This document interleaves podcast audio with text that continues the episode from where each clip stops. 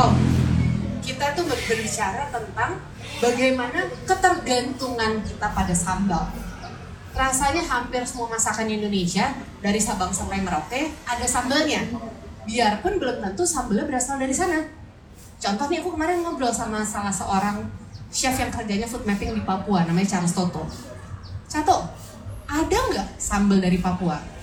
Sambal di Papua ada, tapi itu dibawa oleh orang-orang dari Maluku atau dari Sulawesi yang bekerja di sana. Orang yang udah ketagihan cabai, ketagihan pedas, nggak mungkin nggak bawa pola makannya berpindah sehingga orang-orang di Papua juga mulai mengenal pedas, tapi itu tidak ada asalnya dari sana. Om, sekarang kita bahas sambal deh ya. Dari Sabang dulu, dari Aceh gitu. Apa yang menarik dari sebuah makanan? Makanan Aceh mesti sambalnya khas lagi. Gini kalau aku lihat di daerah Sumatera itu enggak sambalnya tidak terlalu spesifik. Biasanya cabenya udah masuk di dalam eh, masakan. Misalnya di sini ada asam apa asam udang itu seolah sambal buat aku itu bisa dipakai eh, polanya sebagai sebagai lauk. Di Sumatera Barat itu paling belado, belado eh, yang warnanya merah dan lado mudo. Lada hijau, eh, cabai hijau. cabai cabai hijau. Eh, begitu turun kalau misalnya kita masuk ke eh, mana? Palembang cabainya dimasukkan ke situ dikasih cuka gitu. Jadi cukup buat ya mau cabainya dicukain dulu gitu. Kalau di mana? Di Batak ada yang khas namanya andaliman tapi variasinya kan nggak banyak. Hmm, dia cuma meng- meng- mengacu pada sambal andaliman Oke, ada yang pernah makan sambal andaliman di sini? Boleh angkat tangan? Oke. ya itu itu eh, akibatnya bahasa umumnya.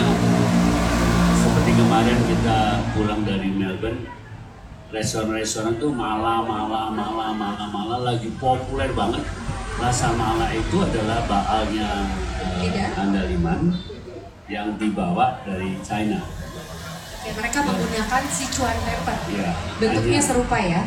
Eh, enggak, gini, kita sampai sekarang belum ada bukti yang nyata. Sebenarnya itu mana duluan? Bibit itu dari dari Samosir dibawa zamannya mungkin waktu Spice Trade dari Samosir dibawa ke Sichuan atau dari Sichuan yang bawa menanam di situ. Karena pola pakainya beda. Kalau andaliman itu dipakai segar, masih hijau, sehingga ada trace kulit jeruk ada Citrusy. lainnya ada citrusy-nya tapi kalau eh, kalau Sichuan pepper di Sichuan itu bahasa Mandarinnya hua jiao hua itu bunga jiao itu lada. Jadi dia udah meletus kayak berbunga gitu. Itu yang dipakai. Jadi itu beda. Nah Memang bahan-bahan itu kalau di eh, di mana? Di Sumat di Su- Su- Sumatera Utara dia hanya dipakai di sebagai sambal dicampur sama cabai hijau biasanya. Saya belum pernah lihat sambal merah di di di Badak ada nggak? Andaliman yang warnanya merah kan nggak ada. Belum ada. Kar- Karena memang kayak cabai yang Iya. biasa dipakai sana cabai hijau semua. Terus eh, dia dimasukkan dalam makanan.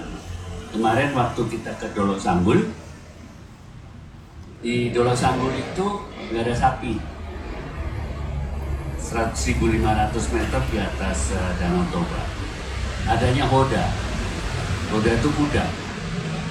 Jadi dia ada rendang Hoda, Putri Pribumi, bikinan warung Putri Pribumi. Jadi dia nggak sebut itu rendang Padang. Setelah kita makan, aku suka. Terus pada akhirnya ada trace andalimannya. Jadi orang Batak itu nggak bisa enggak kalau masak harus ada andalnya. Dan andaliman kalau sudah lagi nggak musim mungkin di Jakarta 600 ribu rupiah.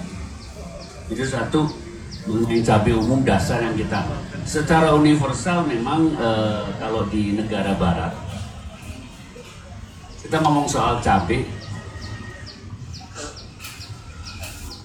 negara barat itu eh, cabai itu sudah jadi ma- machoism jadi di di Amerika di Australia itu sambal-sambalnya bicaranya bukan seperti kita. Dia ada dengan data.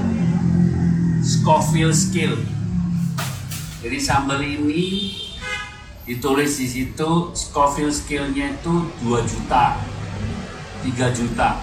Jangan main-main jangan main-main dengan sambal yang Scoville skillnya sekian tingginya ya karena pola makan orang barat tentang sambal itu tidak seperti kita. Kalau kita di sendok blok masukkan ke dalam soto sendok masukkan nasi goreng dan makanan. Di sana ditetes. Karena itu meriaknya kencang banget. Kalau saya bawa eh, sal sambal itu ke Indonesia jangan sekali-sekali nyendok. Pakai tusukan ja, tusukan gigi boleh teman bilang gua kalau makan cabai gado-gado 20 biji nggak masalah. Tak kasih juga cuma cocolan tusukan gigi dalam situ saya kasih kamu pernah ngalamin?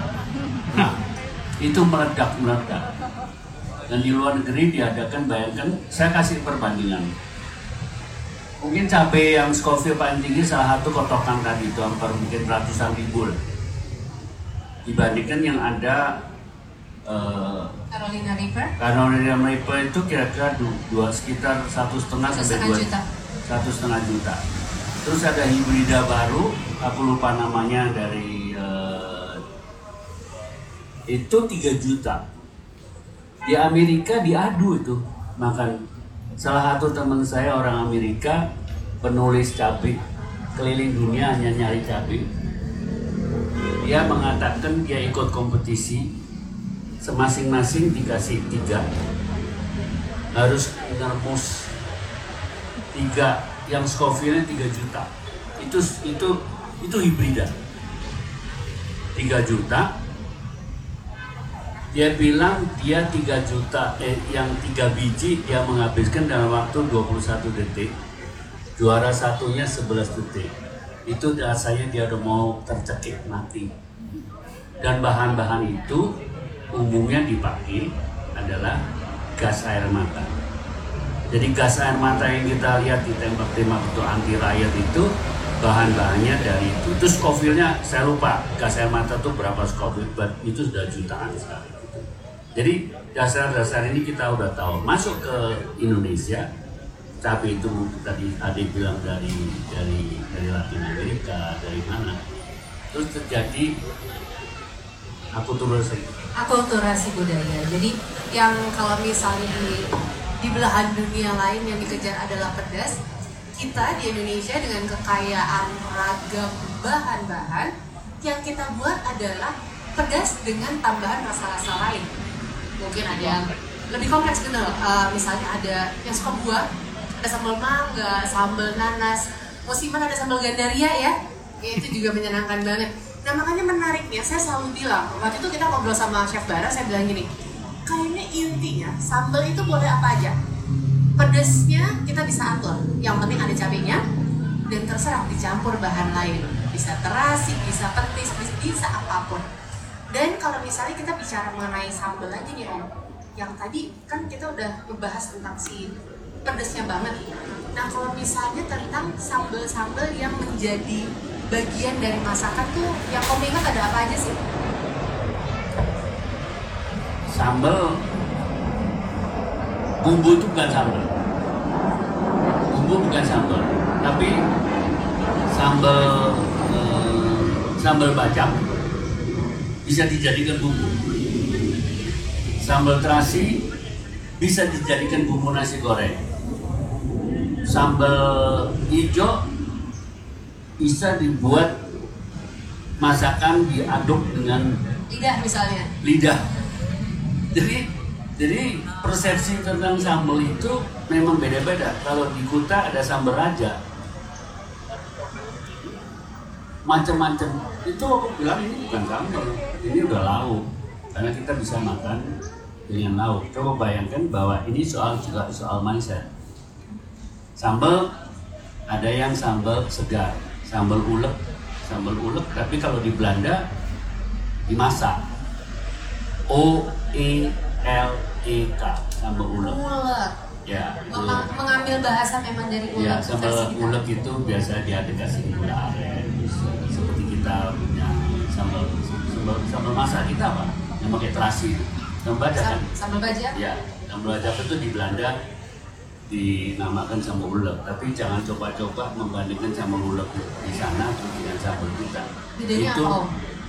Bedanya sudah terjadi eh, degradasi Degradasi tingkat selera. Bukan, dia nggak terlalu pedas. Tapi karena persepsi yang dari zaman dulu saya nggak tahu asalnya seperti apa itu dipertahankan dan itu rasanya sampai sekarang. Dan kalau kita buat kita yang orang Indonesia banyak kurangnya gitu. Kalau kita kan suka-suka dikasih daun jeruk supaya ada aromatis dan sebagainya. Di Belanda itu bumbu semua udah jadi bumbu-bumbu yang dibikin di Belanda. Mereka udah jadi seolah-olah makan Indonesia ala Belanda, bukan makan Indonesia. Terus sambal sambal seperti tadi udang itu kamu boleh ngatakan sambal, boleh ngatakan eh, Asam udang. asam udang. Sambalnya Bu Rudi misalnya, sambal yang pedas itu, saya kalau itu bawa nggak ada itu mau ditumis dengan ayam kan bisa, ya bisa dipakai untuk menu sehari. Mau lebih gurih tambahin fish sauce di luar negeri. Jadi dasar-dasar itu banyak kita bisa bisa pakai sesuai dengan aplikasinya nanti di mana kita berada. Yang penting kita tahu harus tahu rasa, jangan ngawur. Iya. Oke, nah ngobrolin soal aneka sambal, saya yakin teman-teman di sini sudah punya pilihan dalam hati tiga favorit sambal pribadi. Nggak pernah ada sambal paling enak. Sambal, tapi biasanya cocok buat makanan-makanan tertentu. Saya sendiri asalnya dari Manado, jadi saya suka banget sambal roa. Tapi saya besarnya di Jakarta, sehingga saya kaget waktu tahu bahwa orang-orang di Manado dan di Maluku ternyata makan pisang goreng kok pakai sambal.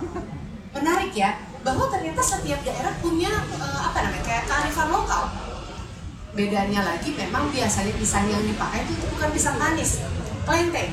Sehingga rasanya cenderung lebih tawar ketika digoreng cocok banget dikasih dengan sambal roa tersebut. Itu juga eh, saya ada ibu dari Jawa Tengah. Dia kasih tip kalau bikin sambal untuk suami bok si ya Boksia adalah lombok. lombok. Jadi lombok dulu. Baru kasih terasi. Baru uyah terakhir. Itu ya Tuh. itu bareng terus ya. terus kenapa bu ini kok kenal untuk sambal supaya nggak nongol katanya. Nggak cari sambal tempat lain gitu. Oh, Jadi maunya rahasia. nyambalnya ibunya yang nyambal dengan trik begitu jangan dibalik balik dia kacau nanti dia bisa nyambal di mana-mana dia. Kalau dengan cara gitu dia pasti ketagihan minta disambalin di rumah. Oh gitu.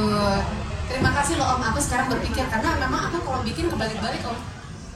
Makanya ya, single ya.